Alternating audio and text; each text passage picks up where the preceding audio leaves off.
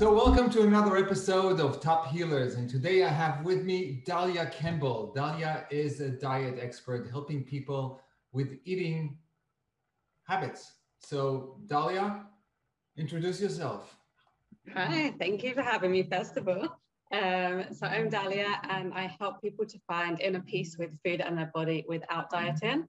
Um, I'm a psychology graduate, so I combined everything that I studied for five years on human behavior and human habits and how, why we do what we do, um, together with my own experience of being over a decade on the binge, restrict, eating, hamster diet, where I call it.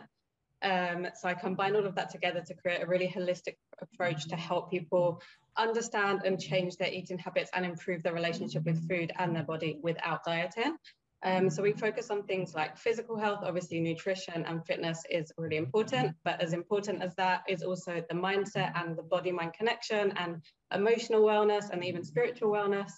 Um, and all of that combined together really creates the whole approach to help people understand their habits and change their habits because really when we understand our beliefs and what are going on that really like our thoughts and our beliefs really do influence what we do and that really changes and affects our reality and how we act and how we behave Okay. That's in a nutshell.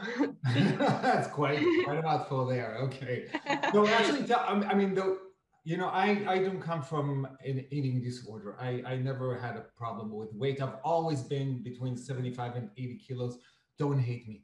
Uh, but somewhere in when I was young, probably in fourth, fifth grade, you know, I looked down at myself and said, "I'm fat."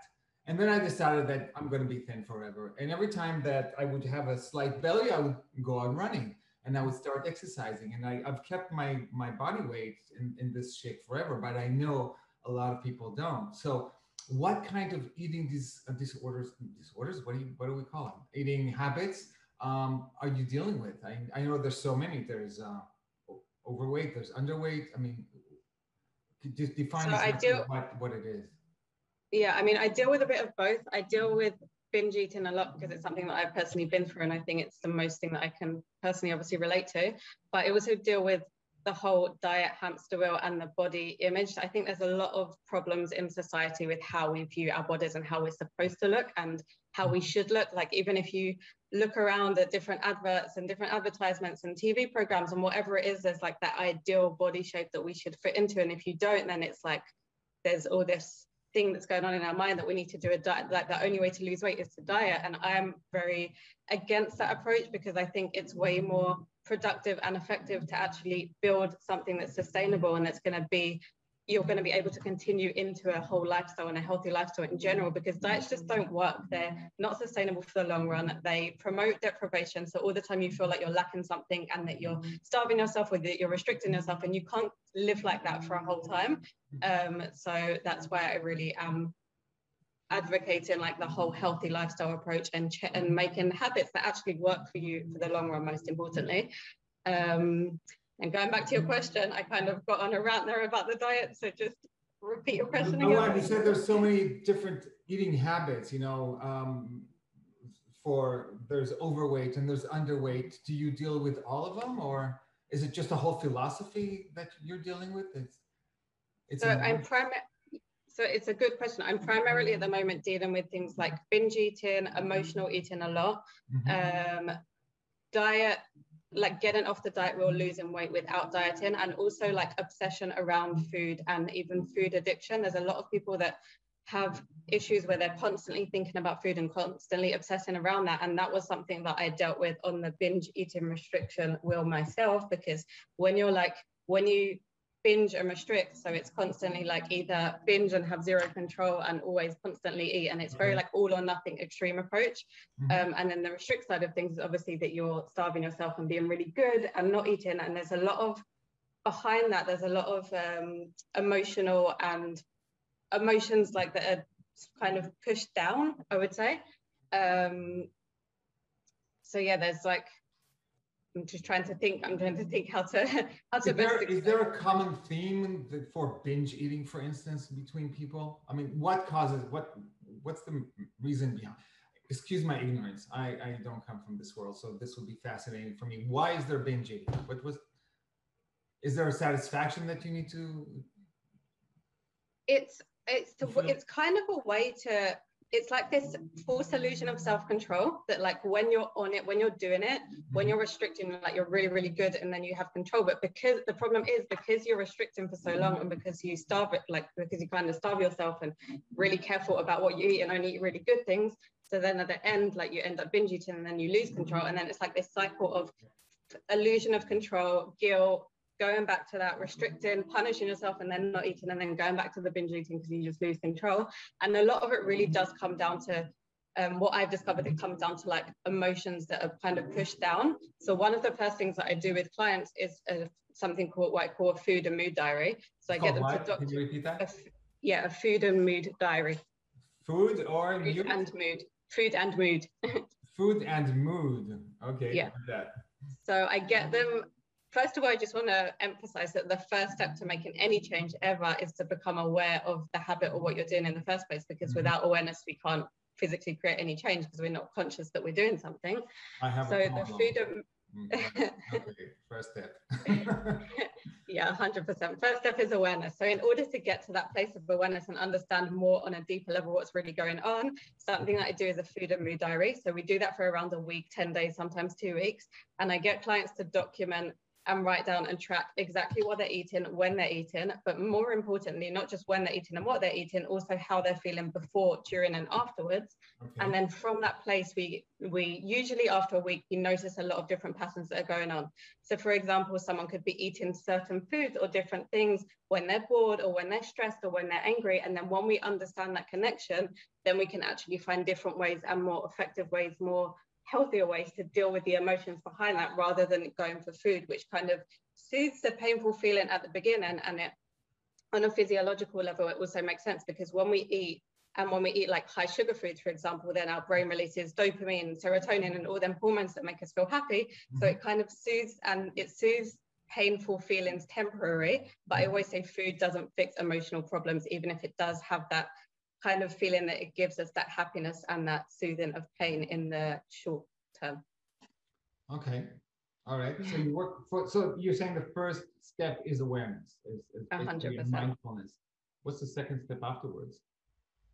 Um, basic, like, so once we have the awareness and we understand, for example, that someone is eating more when a certain thing when they're bored or when they're angry or when they're stressed, then we understand the thoughts behind that. I'm a big um, I'm a big fan of CBT. I studied psychology for around five years, mm-hmm. um, so I'm a big fan of CBT. And CBT is understanding the cognitions and the behavior around what you do. And one of the models that I work with is like that we have our circumstance, we have our situation, but then we have our thoughts and our beliefs and that really does lead to how we behave in our actions and that's what influences our reality and what our reality looks like mm-hmm. so it really is going back to the thoughts that we're having and the beliefs that we're having and really kind of breaking that down and like I always say, BS stands for belief system, but it also stands for bullshit. And so many of our beliefs really are bullshit that's just conditioned to us from society from a young age. So I really help people that's kind of true get out of that place and question what's going on and question different beliefs. And one of my clients literally said to me a few days ago, she said, The whole of my life I've been thinking that I'm addicted to food. And now I just realized it's just so many bullshit beliefs that I've had in my mind. And it's actually just really bad habits and really bad behaviors that I've been doing. So it really is about understanding the thoughts, understanding the beliefs that are going on in your mind, and then from that place, changing them. And then from there, you can really change your habits and reality. Right. It's so true. It's so true that one sentence that's told that was said to you when you were a kid just gets embedded in you and becomes your character, becomes your belief. A hundred percent. Yeah. So that's amazing. Um, so binge eating. Um, so basically, a person starves himself throughout the day, doesn't eat anything, and then at night opens up the fridge and finishes everything in the cabinet or the cabinet.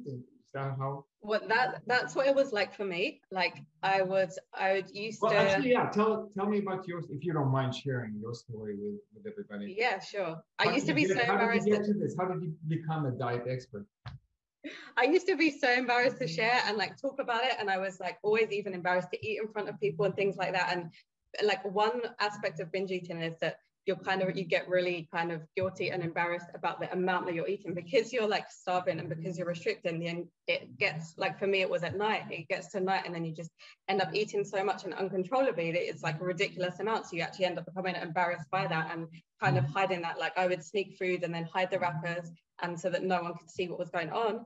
And then like for years it kind of becomes a thing that it's like I always knew that it was unhealthy, but it was like this urge that was stronger than I was. And I mm-hmm. like it just, you kind of reach for it and it's, you just lose control. Um, so yeah, it's, um, it's definitely a whole, definitely a self-control. So were you overweight when you were binge eating or?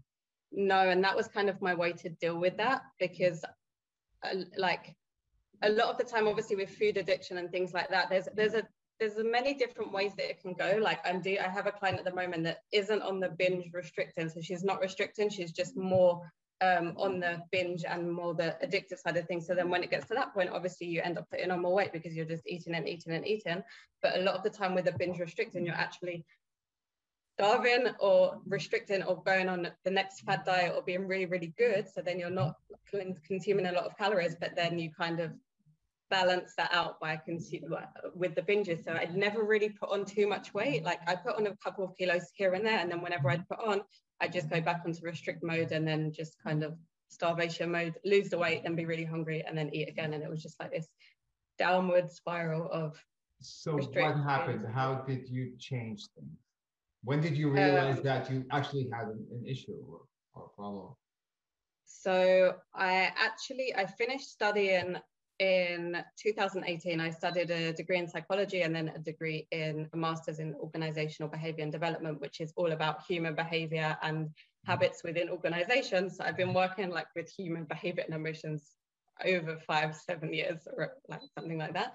Um, and then after that, I got to the point where I was working in a corporate company, company and I was super burnt out. I was working and studying, doing so many things at the same time.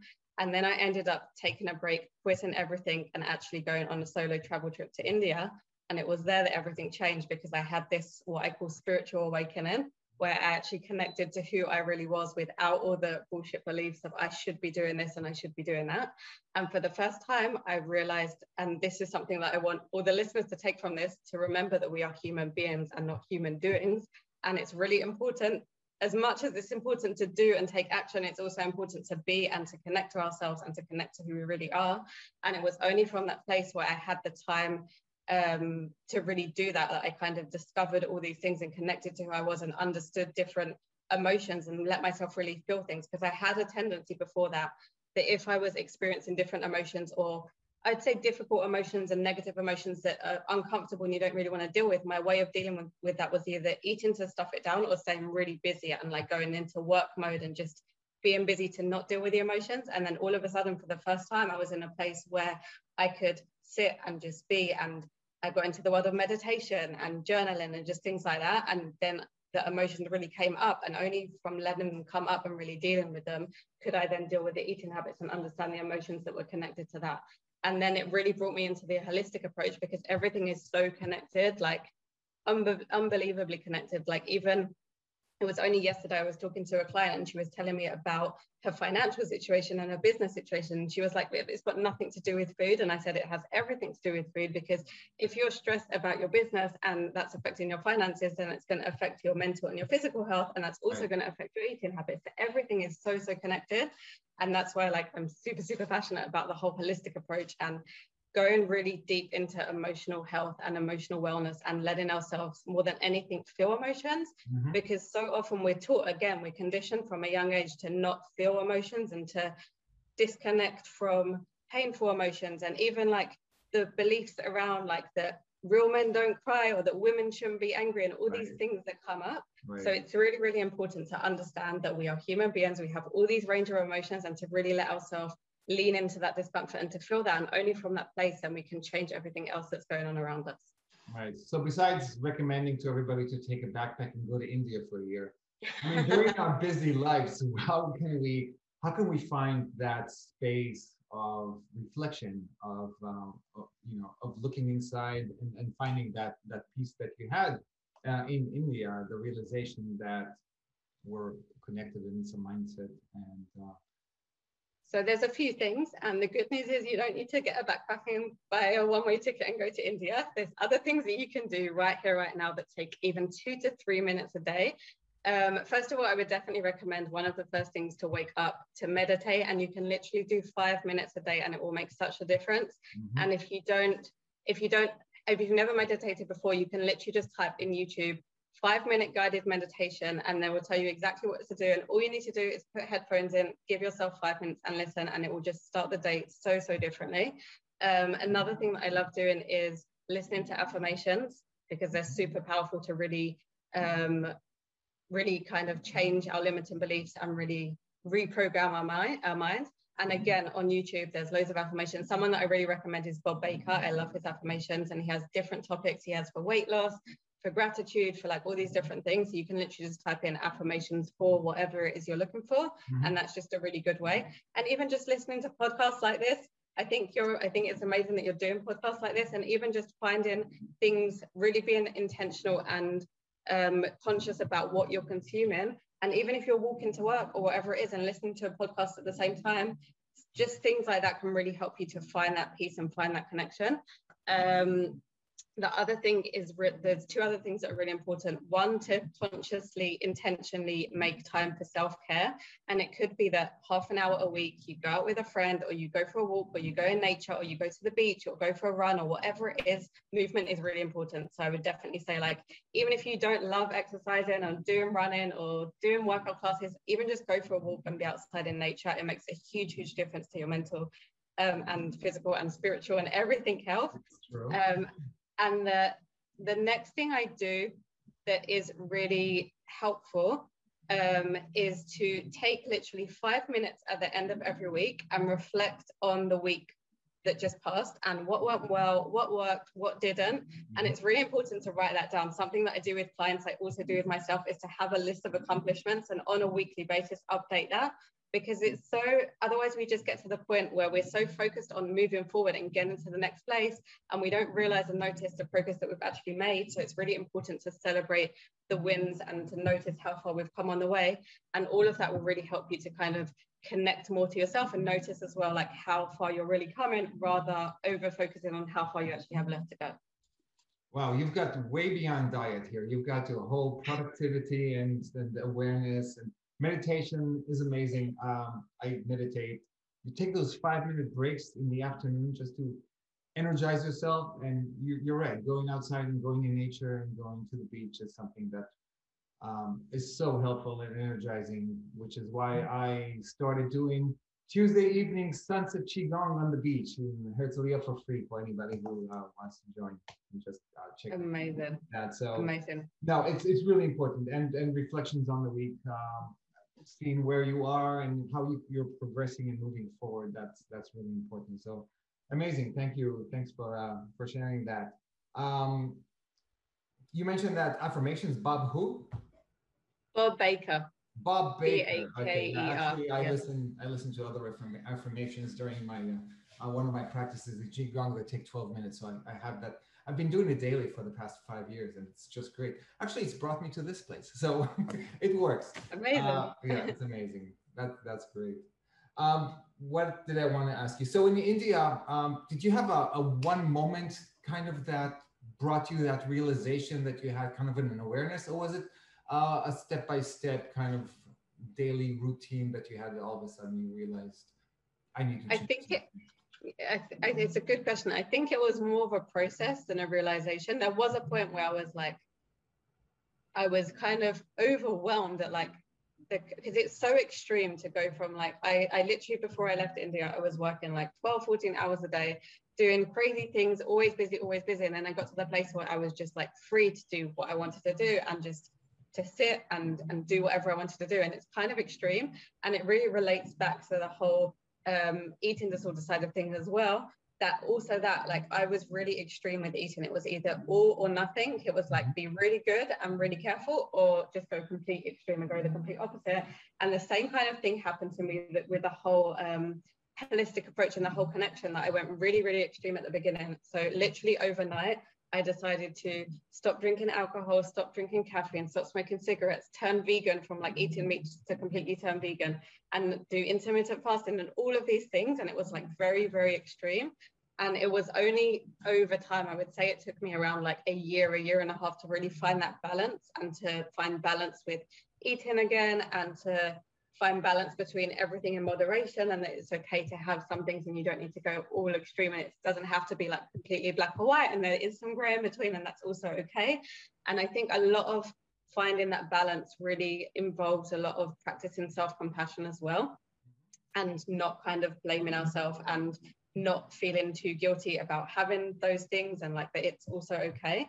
Um yeah, I think I think that well, was amazing. Think, was something it's, it's all, I think it's all about balance, and I think uh, probably being in India is really easy to be take you away from the fridge and take you away from the house and and your normal routine and and, and breaking that habit um, cycle um, is really important. Uh, which is why you know when people go on vacation, for instance, they're still taking their habits with them. They take their phone instead of putting their phone on the side and just disconnecting from everything and just being alone with their mind and their family for like a few days because it takes a, a, few days just to wind down uh, mm-hmm. your brain to stop working so fast like it does in our normal lives so when we take a break um, putting the phone away and just disconnecting and just noticing nature noticing things around you can just stop and break all habits and be- begin the realization that uh, of who you are and, and what you are and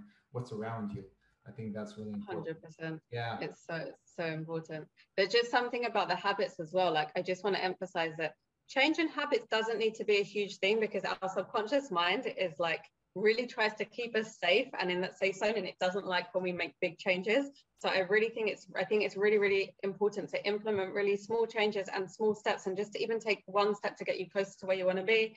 For example if you're not drink if you're not if you're like drinking loads of fizzy drinks and sugary drinks and things like that then i'm i'm not saying that you have to go straight in and be like now never drink fizzy drinks again and never do this. Obviously it's the ideal situation to only drink water but you right. can do it over time. And like something that helps with a couple of my clients is to make sure that is to implement some new habits. So for example when they first wake up in the morning drink that glass of water and then like before they go to sleep or whatever it is and then even just drinking like them extra two or three cups a day it's still more than you were drinking before. And it's still like getting you into that mindset of slowly and then it becomes a thing. Like when you wake up you drink water and it just it does take time to build habits but it's important to like make them really small incremental steps but instead of like going all big because okay. sometimes we set these huge big goals and it seems so far away from where we are so then we just go into that mindset of oh my god i don't know how to get there and it seems so far so i'm just not going to do anything and i'm going to give up right uh, three years ago i tried the uh, 80 10 10 method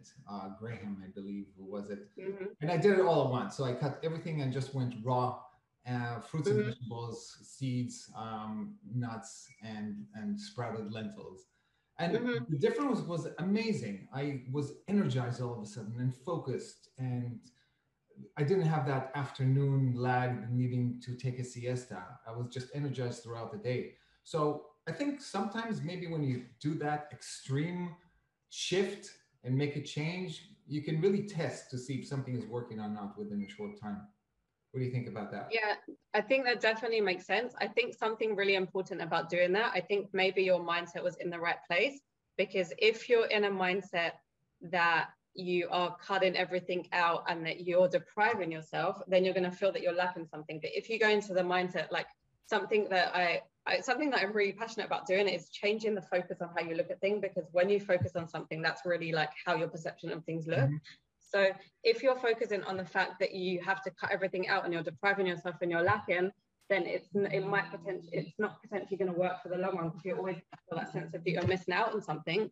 But if, for example, you change that deprivation around and you're like, what am I actually depriving by eating it? And that could be that you're depriving yourself of energy and feeling good and feeling healthy, and you focus on that side of things, then that's going to keep you going. So it could be that your mindset was already in that place of now I feel really good and now I feel energized and I don't feel like I'm lacking something and that's why it works. But if someone already goes into something with the mindset of it's not going to work or I've tried this before or I'm going to be missing out on something, then it's not going to work. So I think as I think I totally relate to what you're saying as well, but I think it's also important to build the right mindset and go in it with the intention that this is going to make me feel better or i'm doing this for a certain reason and the power of why you're doing something is one of the most important things like you really need to know why you're doing what you're doing and it will help you to stay committed. Like even when motivation goes down or even when willpower is kind of lacking or down a bit knowing why you're doing something and committing to it and why it's really important for you that's what's going to keep you going and going to keep something working for the long run. Yeah definitely. I think your focus and your drive and uh, your intentions uh, definitely take you uh, to one way or another. It's interesting. After I, I, started eating going raw and eating uh, going vegan and raw basically I had ice cream like three weeks after, mm-hmm. and the energy level and the stomach ache that I had just from one ice cream real had me realize how my body reacted to um, to dairy that I normally had before. So that's something I no longer eat. I would rather have mm-hmm. a meal. Um, amazing. Okay. Um, can you give us uh, an example? Tell me about your first first patient experience the first person every we, all the healers remember their first uh, the first person they healed. Yeah i definitely did because we got wow it was it was a lovely lady who was who was suffering with binge eating for over 20 years. And i remember it clearly because by the time we finished work i'll tell you a bit about the what happened in a minute but by the time we finished working together she stopped binge eating for the first time after 20 years after trying all of these things Wow. So it was like really, really wow and amazing. And not only that, something that something that we don't focus on a lot is that when we're obsessed with food or when we're constantly thinking around food, we take up a lot of mental space. Mm-hmm. So when we improve our relationship with food, we actually free a lot of that mental space and have a lot of mental clarity. Mm-hmm. So something else that, that, she achieved that was really big for me and for her, apart from the um, apart from the food side of things and improving the relationship with food, was that she's a self-employed um, hairdresser and for the first time in like five years she actually increased her prices um, and it was something that she didn't have the confidence to do before because she didn't know if she was good enough or if people would pay her for all these things. So it just really is an example of how changing your relationship with food which you think has nothing to nothing connected at all to what you're doing into your business really can have an effect on your not only your business and your finances but also on your confidence and your self-worth and how you think about yourself and feel it going from that place that you feel that you are good enough and that all of like all these different things. So that was like i guess the big results that came from the first thing. And then it gave me that drive to this is working. And like everything i felt like i had to I felt like I really went through what I did, and I'm like super grateful that I went through everything I did because now I can combine everything together and I know what works and what doesn't, like from my own experience as well, because I tried all these different things for years and years and like new diets and, new, and this and this and this and that. And it was always like, I think there's this big perception in the diet industry that if you want to lose weight or if you want to do this, you have to go on another diet. And a lot right. of the time they, um, they like promote diets as, as healthy eating and there's like the fitness diet and this and that and all of these things but a lot of the time it's just not sustainable and it sets us up for failure because it, again it gives us that feeling of that we're depriving ourselves and that we're restricting ourselves and that we're missing out on something. Um, so i think only after going through all of that and understanding that all of that thing doesn't work and that we really need to connect to the emotional side of things and our habits and our thought patterns and our and our beliefs and all of that sort of stuff. And I think only then, like by combining that together with everything I went through and back to everything I studied in psychology and using that all the tools that I learned there as well, I think I created like this space of and then and sometimes I like take a step back and I look at it and I'm like, this is exactly what I needed back then. Like if I would have had this back then, then I wouldn't have probably gone through 10 years or five years of going through what I did, but I'm kind of grateful that I did right now because then I can just help other people with the same tools as well. so what is your system called? Did you give it a name? I'm still thinking of a name. and I'm actually I'm actually in the process of I'm actually in the process of launching a group program as well. So I'm still thinking of the name. So stay okay. tuned. It will come to you, don't worry. Can you tell me a little bit of the other? I have a friend who's on this diet program mm-hmm. where he only eats fat, which doesn't make sense to me. No fruits, no vegetables, mostly fat. Can can you do you, do you know that diet that eats fat mostly? Um, I know there's the keto diet. Okay, tell me about the keto diet because it doesn't. I don't. Yeah, I mean, I personally I personally don't agree with the approach of just eating fats. I know there's people that do it and they do lose weight by doing it.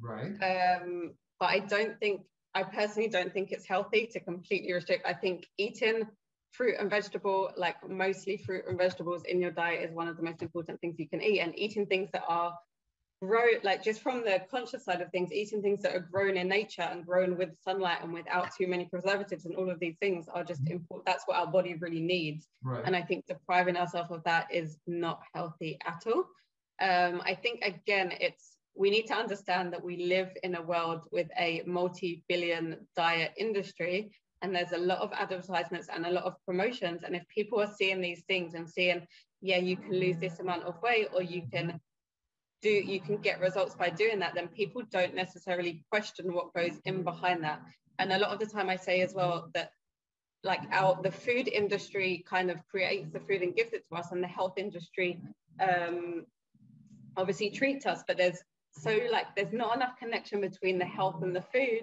no. and there's we can really use food as a way to heal heal ourselves and a lot of illnesses and a lot of diseases and the like the health in the food industry doesn't promote that because the diet industry is like multi-billion dollars and right. like i think i don't think it's a coincidence that the diet industry is the amount that it is and that there's over an 80% failure rate and it really is like a whole money thing and no one really cares about the health side behind it but then people are so susceptible to um, to believe in what they see and to believe in advertisements and to be, like being kind of dragged into all these things. And then it just right. turns into this whole societal norm I would well say. you know a diet will work once you're aware of what you're eating because if you start a diet then you're following this diet and you're following strict strict behavior. And knowing exactly what you put in.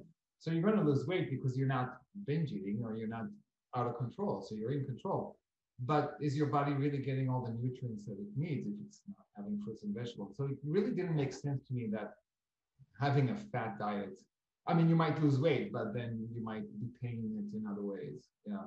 Okay. I think there's a I think there's a lot of myths around sugar, and I speak about it a lot as well. I think obviously processed sugar isn't good for you, but then people have this perception that fruit is also a lot of sugar and you shouldn't eat too much fruit and it's not good for you. But there's a huge, huge difference between natural sugar and between processed sugar.